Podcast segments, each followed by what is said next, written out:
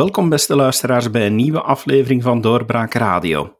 Vandaag is het onderwerp hoger onderwijs, universitair onderwijs, de voortgang van studies, want daar is onlangs een discussie geweest in het Vlaams parlement.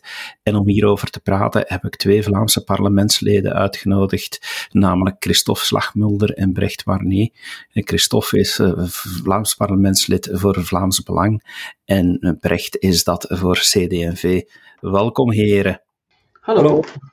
Christophe, misschien uh, dat ik aan jou de, de, de eerste vraag kan stellen. Ja, uh, oké, we, we spreken daarover, over knippen in het onderwijs en dergelijke, maar de problematiek gaat over hoe dat je een, een hogere opleiding inricht. Misschien kan jij dat even wat verder toelichten. Wel, um, ik zou eerst willen zeggen, of willen beginnen met te zeggen dat uh, ja, ons Vlaams hoger onderwijs momenteel op internationaal topniveau toch wel staat en, en, dat we er alles moeten aan doen om dat uh, ook zo te houden. Uh, in 2020 was bijna 43 procent uh, van de Vlamingen tussen de 25 tot 64 jaar hooggeschoold, wat toch boven het EU-gemiddelde is. En dat is een goede zaak, want kwaliteitsvolle hoger opgeleiden komen onze economie en onze samenleving alleen maar ten goede, denk ik. En ja, het is ook belangrijk om, om de positie van de, onze Vlaamse kenniseconomie te versterken uh, door onder andere uh, gerichte investeringen te gaan doen in ons hoger onderwijs. En dat betekent natuurlijk niet dat we blind mogen zijn uh, voor verbeteringen. En waar het bijvoorbeeld beter kan, dat is de studieduur. En we stellen inderdaad vast dat de gemiddelde reële studieduur bij onze studenten steeds langer wordt en dat het aantal studenten dat een opleiding binnen de normale voorziene studieduur met uh, succes afrondt, uh, dat die groep kleiner is geworden. En ja, dat zorgt ook voor een grote kost uh, voor onze samenleving. En dat terwijl ons hoger onderwijs toch een, een, aantal investeringsnoden heeft waar wij nu niet aan toekomen. Eigenlijk is de, de flexibilisering van ons hoger onderwijs te ver doorgeschoten en, en zijn er nieuwe maatregelen nodig. Um, ja. Brecht, vind, vind jij dat dan ook, dat het te ver gaat met die flexibilisering? Dat het uh, te uh, ja, makkelijk is om vakken mee te nemen en langer te blijven studeren in een, opricht, in een opleiding? Wel, ik, ik vind vooral dat, dat het resultaat niet goed is. Hè. Als twee op de drie studenten vandaag langer studeert, hè, dat, is, dat is bijna iedereen. Eén uh, op vijf die behaalt zelfs geen diploma, dat is nog erger. En um, ehm, 7% die gaat drie, na drie jaar eigenlijk in dezelfde richting studeren, die richting gaan stoppen, um, zonder een diploma te halen, ja, dan heb je gewoon een probleem. En dat betekent dat studenten eigenlijk soms um, tegen beter wil te lang in, in dezelfde opleiding zitten die, die niet past bij hun talenten.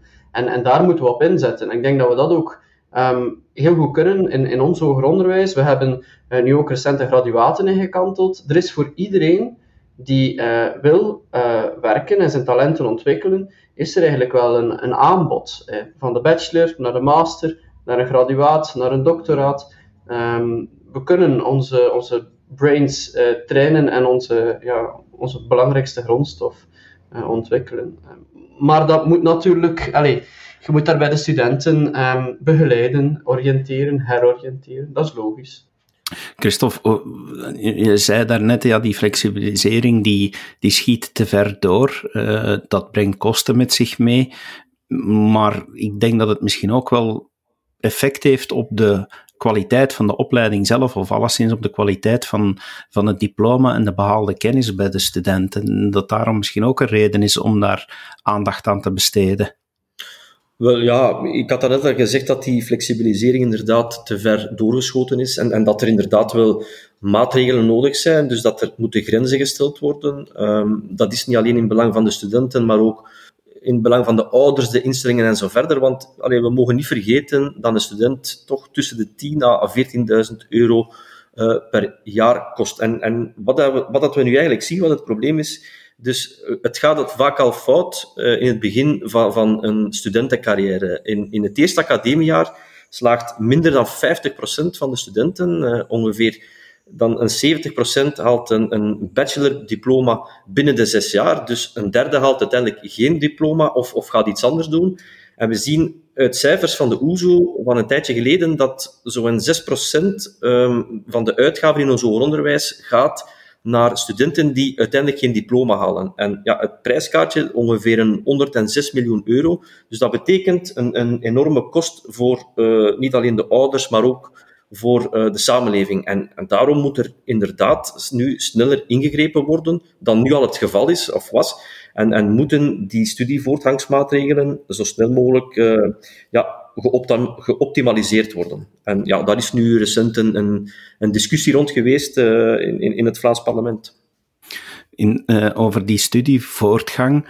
Daar is dan gesproken over die knip. Um, in het regeerakkoord was het voorstel om een ja, harde knip te voorzien tussen bachelor en master. In de zin dat men niet kon overgaan wanneer niet alle vakken uh, van de bachelor afgerond waren en de nodige uh, slaagvakken erbij waren. Ik ga niet zeggen voor alle slagen, want dat hoeft gelukkig niet. Maar ehm, dat is een voorstel dat, eh, dat door jullie beiden toch wel kritisch bekeken werd, eh, dacht ik, Brecht. Ja, ik was eigenlijk, ik weet dat het in het regeerakkoord staat, maar we zijn parlementairen, dus we moeten kritisch zijn van wat de regering afspreekt. En ik was eigenlijk, ik heb dat ook nooit onder stoelen of banken gestoken, van in het begin um, geen echte grote voorstander van deze maatregel. Um, nu goed, dat was een afspraak en dan, dan is het aan ons om parlementair werk te doen. We hebben daar eigenlijk... Um, wel hard op, op, gestudeerd en, en, en cijfers, data bij elkaar gebracht. En we hebben gezien dat die, dat die knip om drie redenen een slechte zaak is. Ten eerste um, heeft de maatregel het omgekeerde effect. Er zijn zelfs een duizendtal studenten die erdoor zouden langer studeren. Hè. Men, men, is verplicht om te stoppen. Men moet dan een paar vakken opnemen van dat derde jaar. Dan moet men gaan starten in die master. En dan doet men daar misschien ook twee à drie jaar over, waardoor dat men langer studeert. Ten tweede is het principe ook dat het, dat het een slecht signaal is. Hè. Je zegt aan het, in het derde jaar dat um, studenten die niet voor alles geslaagd zijn, um, even moeten stoppen, een vierde studiejaar moeten nemen die dan wat rustiger is. Je moet de resterende studiepunten nog opnemen van je bachelor, maar enkele vakken volgen. En het jaar nadien moet je dan weer volle gas alle vakken gaan opnemen. Ik denk dat dat uiterst zijn waar je geen enkele student mee helpt.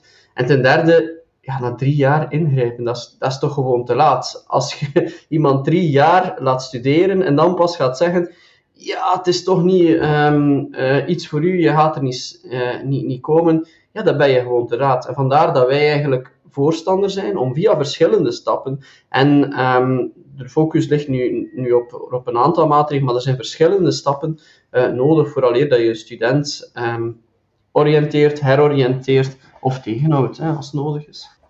Christophe, uh, andere visie op? Ik wil collega Warnee daarin zeker bijtreden. Uh, ja, het Vlaams Belang is al langer vragende partij om, om maatregelen te nemen. Het is hier al gezegd, de Vlaamse regering had oorspronkelijk een, die harde knip voorzien tussen de bachelor en de master. En dat, dat betekende dat een student niet aan zijn master kon beginnen vooraleer de bacheloropleiding zou afgerond zijn, tenzij de voltijdelijkheid niet verstoord werd. wij zijn daar van in het begin kritisch voor geweest, omdat deze maatregel eigenlijk voor een uh, artificiële breuk zorgt tussen de derde bachelor en de master, want in de praktijk is dat best mogelijk om vakken uit beide opleidingen te combineren. Nu, in de commissie onderwijs heb ik ervoor voor gewaarschuwd dat deze maatregel veel te laat zou komen in de studentencarrière om de studie-efficiëntie te verbeteren. Nu, van in januari 2020 al heb ik er bij minister Wijts op aangedrongen om die mijlpaalregeling van de KU Leuven in te voeren. En in die regeling moeten startende studenten na twee jaar voor al hun eerstejaarsvakken geslaagd zijn. En dat lijkt mij een veel betere regeling dan die harde knip eh, tussen de bachelor en de master. Want die zou als gevolg hebben dat de studenten inderdaad uh, vertraging zouden opgelopen hebben, omdat ze niet uh, mochten verder studeren. Minister Wijt zag daar aanvankelijk geen graten in om die mijlpaalregeling Vlaanderen breed in te voeren. Maar kijk, hij is van mening veranderd. de studievoortgangsmaatregelen zullen nu toch in die zin aangepast worden. Uh, van de originele regeringsplannen blijft weinig over. En ik denk dat een algemene mijlpaalregeling in alle Vlaamse hoger onderwijsinstellingen ervoor zal zorgen dat studenten sneller weten waar ze staan en dat het ook minder geld zal kosten, want anders blijft een deel van hen veel te lang in uh, de verkeerde richting zitten. Maar er zal natuurlijk nog een slimme combinatie van maatregelen nodig zijn. Ja, bericht, dat lijkt me inderdaad wel een tegemoetkoming ook aan de opmerkingen die u daarnet gaf en de maatregelen mhm. eh, waar, waar u op doelde. Gewoon vroeger in de opleiding eh, betere evaluatie gaan steken eh, en, en misschien inderdaad gaan afdwingen dat de vakken van het eerste jaar na twee jaar uh, toch al behaald zijn? Of uh, zijn er nog betere manieren volgens u? Ja, dat is wat wij op tafel gelegd hebben. Dus dat vinden wij een goede manier natuurlijk. Maar wij leggen natuurlijk wel meer dan dat op tafel. En ik vind, allez, er, is een, uh, er is nu een, um, een van de. Want de systeem van de KU Leuven is nog een stukje um, gesofisticeerder, om het zo te zeggen. en ook geen paspartout op alle instellingen. Maar wij hebben wel gezegd, ja, het kan niet alleen dat zijn. Het moet ook veel meer zijn. We willen ook dat de student die die aan het hoger onderwijs start, dat die bijvoorbeeld een eikingstoets aflegt. Dat die um, een spiegel voorgeschoteld krijgt, waarbij dat hij eh, de werkpunten uh, hem, hem voorgeschoteld krijgt, vooraleer dat hij start. En dan weet hij, oei, ik ga hier nu burgerlijk ingenieur starten, mijn wiskunde is niet goed genoeg, ik moet daaraan werken. En dat we daaraan gekoppeld ook verplicht de studenten laten remediëren. Met natuurlijk de grote voorwaarde dat daar ook wel ruimte voor is bij die hoger onderwijsinstelling. Dat ze goede studiebegeleiding kunnen aanbieden, dat ze kunnen um, hen helpen om te slagen. Want dat is nog altijd het eerste doel. Niet de studenten tegenhouden, maar hen te slagen. Te doen slagen. Dat is het eerste knipperlicht dat men eigenlijk tegenkomt. Na het eerste jaar, als het, uh, en dat is het tweede knipperlicht die wij op tafel gelegd hebben en ook um, zo in het uh, voorontwerp van decreet staat uh, van de Vlaamse regering als je na het eerste jaar um, je studieresultaten niet goed genoeg zijn, dan krijg je eigenlijk verplicht studieadvies. Dan word je eigenlijk al opnieuw letterlijk uh, gewezen op wat is goed, wat is niet goed, ga je geraken of niet. En als je dan nog niet um, voor alle vakken door bent van het tweede jaar, ja, dan wordt het harder. En dan ga je een, eh, een, een laatste knipperlicht eigenlijk uh, voorgeschoteld krijgen na dat tweede jaar. Dus het is een en-en-en verhaal en het is niet wachten totdat die twee jaar voorbij zijn. Het zal altijd begeleiding zijn um, en dan uh, natuurlijk ja, oriëntatie. Als, ik dat, als ik daar nog even mag op verder gaan. Um, ja, ik denk als we drempels wil inbouwen, ja, dan, dan gaan die natuurlijk ook alleen maar effectief zijn als er een, een uh, slimme combinatie komt van, van maatregelen die ook waken over de instroom van studenten uh, in ons hoger onderwijs. Uh, een belangrijke oorzaak van, van de studieduurvertraging is de daling van de onderwijskwaliteit in het middelbaar. En ja, wat wil minister Wijts daaraan doen? er zijn bijvoorbeeld ja, de oriëntatieproeven, waaronder de Columbusproef, maar hij wil onder andere ook werk maken van een uitbreiding van niet uh, binnen de toelatingsproeven en eikingsproeven. En wat die eikingsproeven betreft, wij zouden graag zien dat die eikingstoetsen voor elke bacheloropleiding ingevoerd worden, of toch voor zoveel mogelijk, en bindend zijn. Eikingstoetsen die geven een beeld van de kandidaat-student, zijn vaardigheden en, en, kennis in verhouding tot het, het, verwachte instapniveau van de bacheloropleiding. Dus men kan ook aan de hand van het resultaat de kennis en vaardigheden vergelijken met dat eh, van, van andere deelnemers. Nu, wanneer een student hier slecht op scoort, dan kan dat al een filter zijn om deze student te ontmoedigen om zich voor een bepaalde opleiding in te schrijven en zal er veel sneller een, een, een andere keuze gemaakt worden. Het zij een andere opleiding, het zij bijscholing, of ja, kiest hij of zij voor eh, de arbeidsmarkt. Dus bij heroriëntering naar een, een andere opleiding zie je bijvoorbeeld dat de resultaten dan van vaak uh, ook veel beter zijn. Um, dus ja, kwaliteitsvolle begeleiding is zeer belangrijk. En de minister heeft nu een aantal opleidingen aangeduid voor een verplichte bindende eikingstoets. Uh, dat is een goede zaak, maar het mag wat mij betreft toch nog iets ambitieuzer zijn, uh, want ik zou toch liever willen zien dat dat sneller uitgebreid wordt.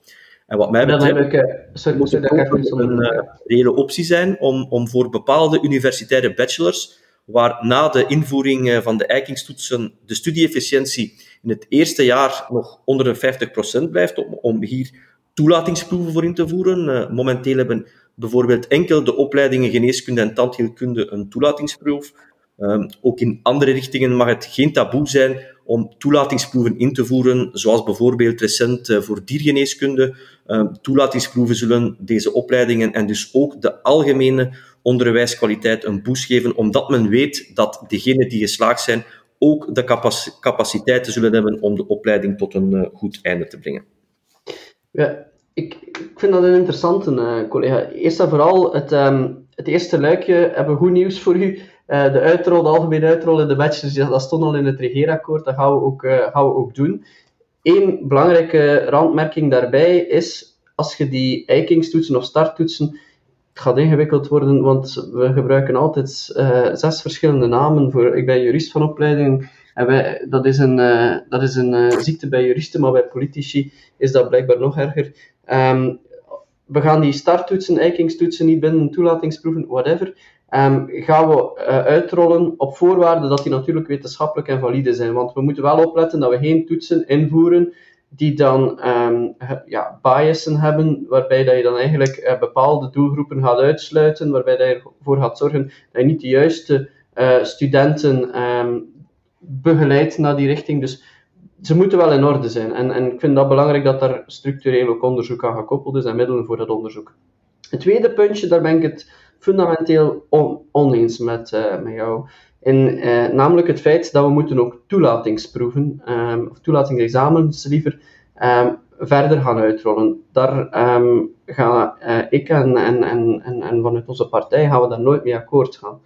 Ik ga je uh, heel duidelijk zeggen waarom. Het is heel duidelijk uit internationaal onderzoek dat als je toelatingsexamens het verschil met de eikingstoetsen misschien even duiden. Toelatingsexamens wil zeggen, je doet mee aan een examen en de beste duizend slagen en die mogen erdoor. Hè.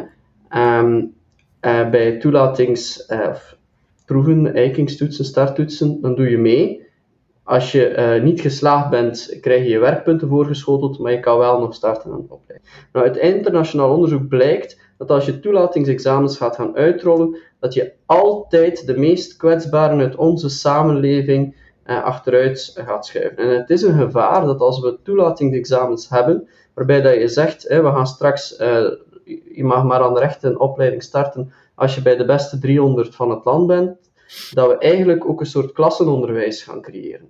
En dat we gaan um, enkel de studenten die op voorraad via private bureaus uh, zich kunnen voorbereiden op zo'n toelatingsexamens, dat we enkel die studenten nog in opleidingen gaan krijgen eh, zoals rechten, zoals burgerlijke ingenieur enzovoort enzovoort.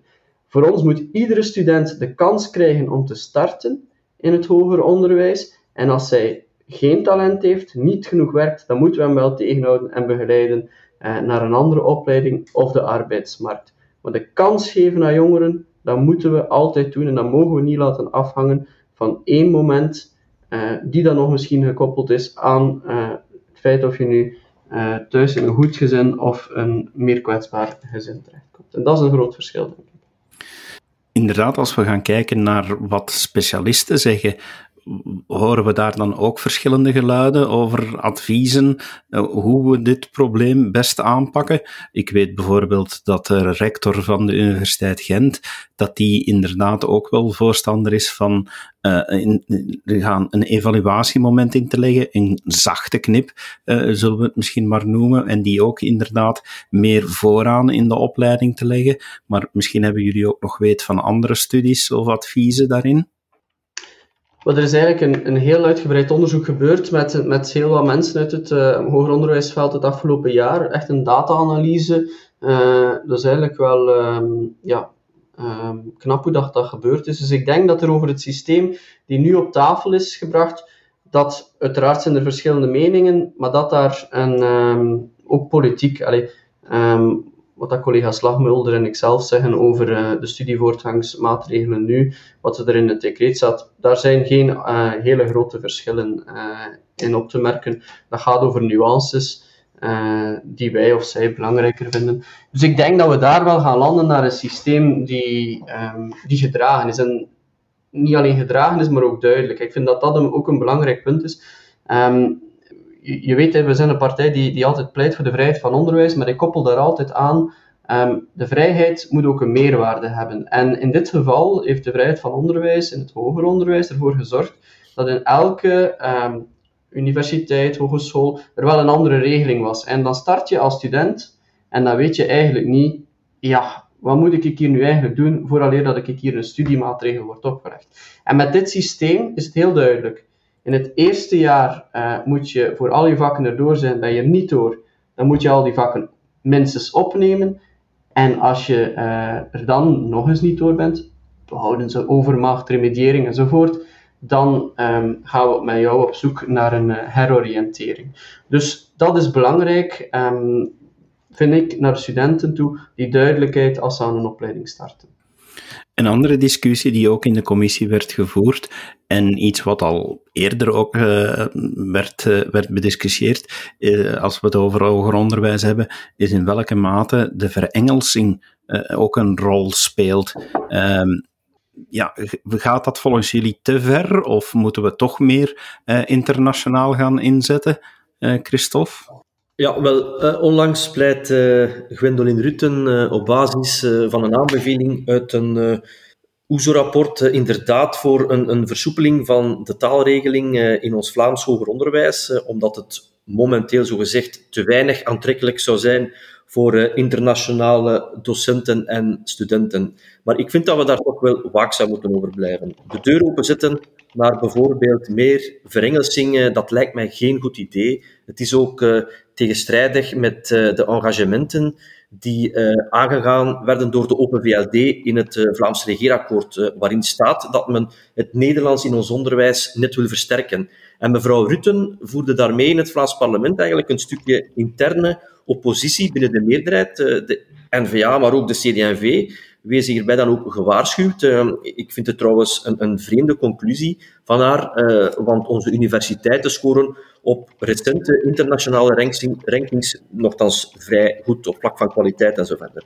Kijk, onze strijd tegen verengelsing, dat betekent niet dat we van ons hoger onderwijs een, een Nederlandstalig eiland willen maken. Uh, voor een beperkt aantal gespecialiseerde opleidingen is het soms nodig om die in een andere taal te geven. Maar ja, voor sommigen zal het nooit genoeg zijn. En het Nederlands is wat mij betreft een volwaardige academische taal en heeft nood aan een positievere benadering in uh, academische kringen. En ik vind ook dat er meer moet ingezet worden op de Nederlandse taallessen uh, voor internationale studenten. Daar zou deze regering werk moeten van maken. Maar mijn boodschap aan mevrouw Rutten, hou u aan uw eigen regeerakkoord en ook aan de voornemens om het Nederlands actief te promoten als volwaardige academische taal. Ja, als ik dat mag op inpikken, we hebben dat eigenlijk... Uh, de, de bocht van uh, mevrouw Rutten was inderdaad zeer merkwaardig.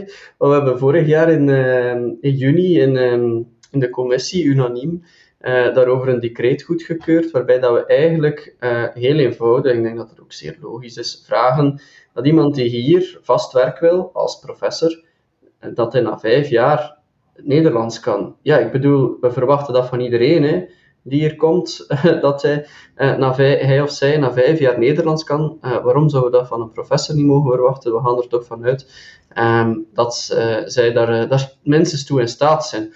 Wat dat niet wil zeggen um, dat, um, dat een gastprofessor die eens langskomt, waar je zegt van dat is nu een, een internationale expert, we willen die even voor de klas brengen, dat is belangrijk.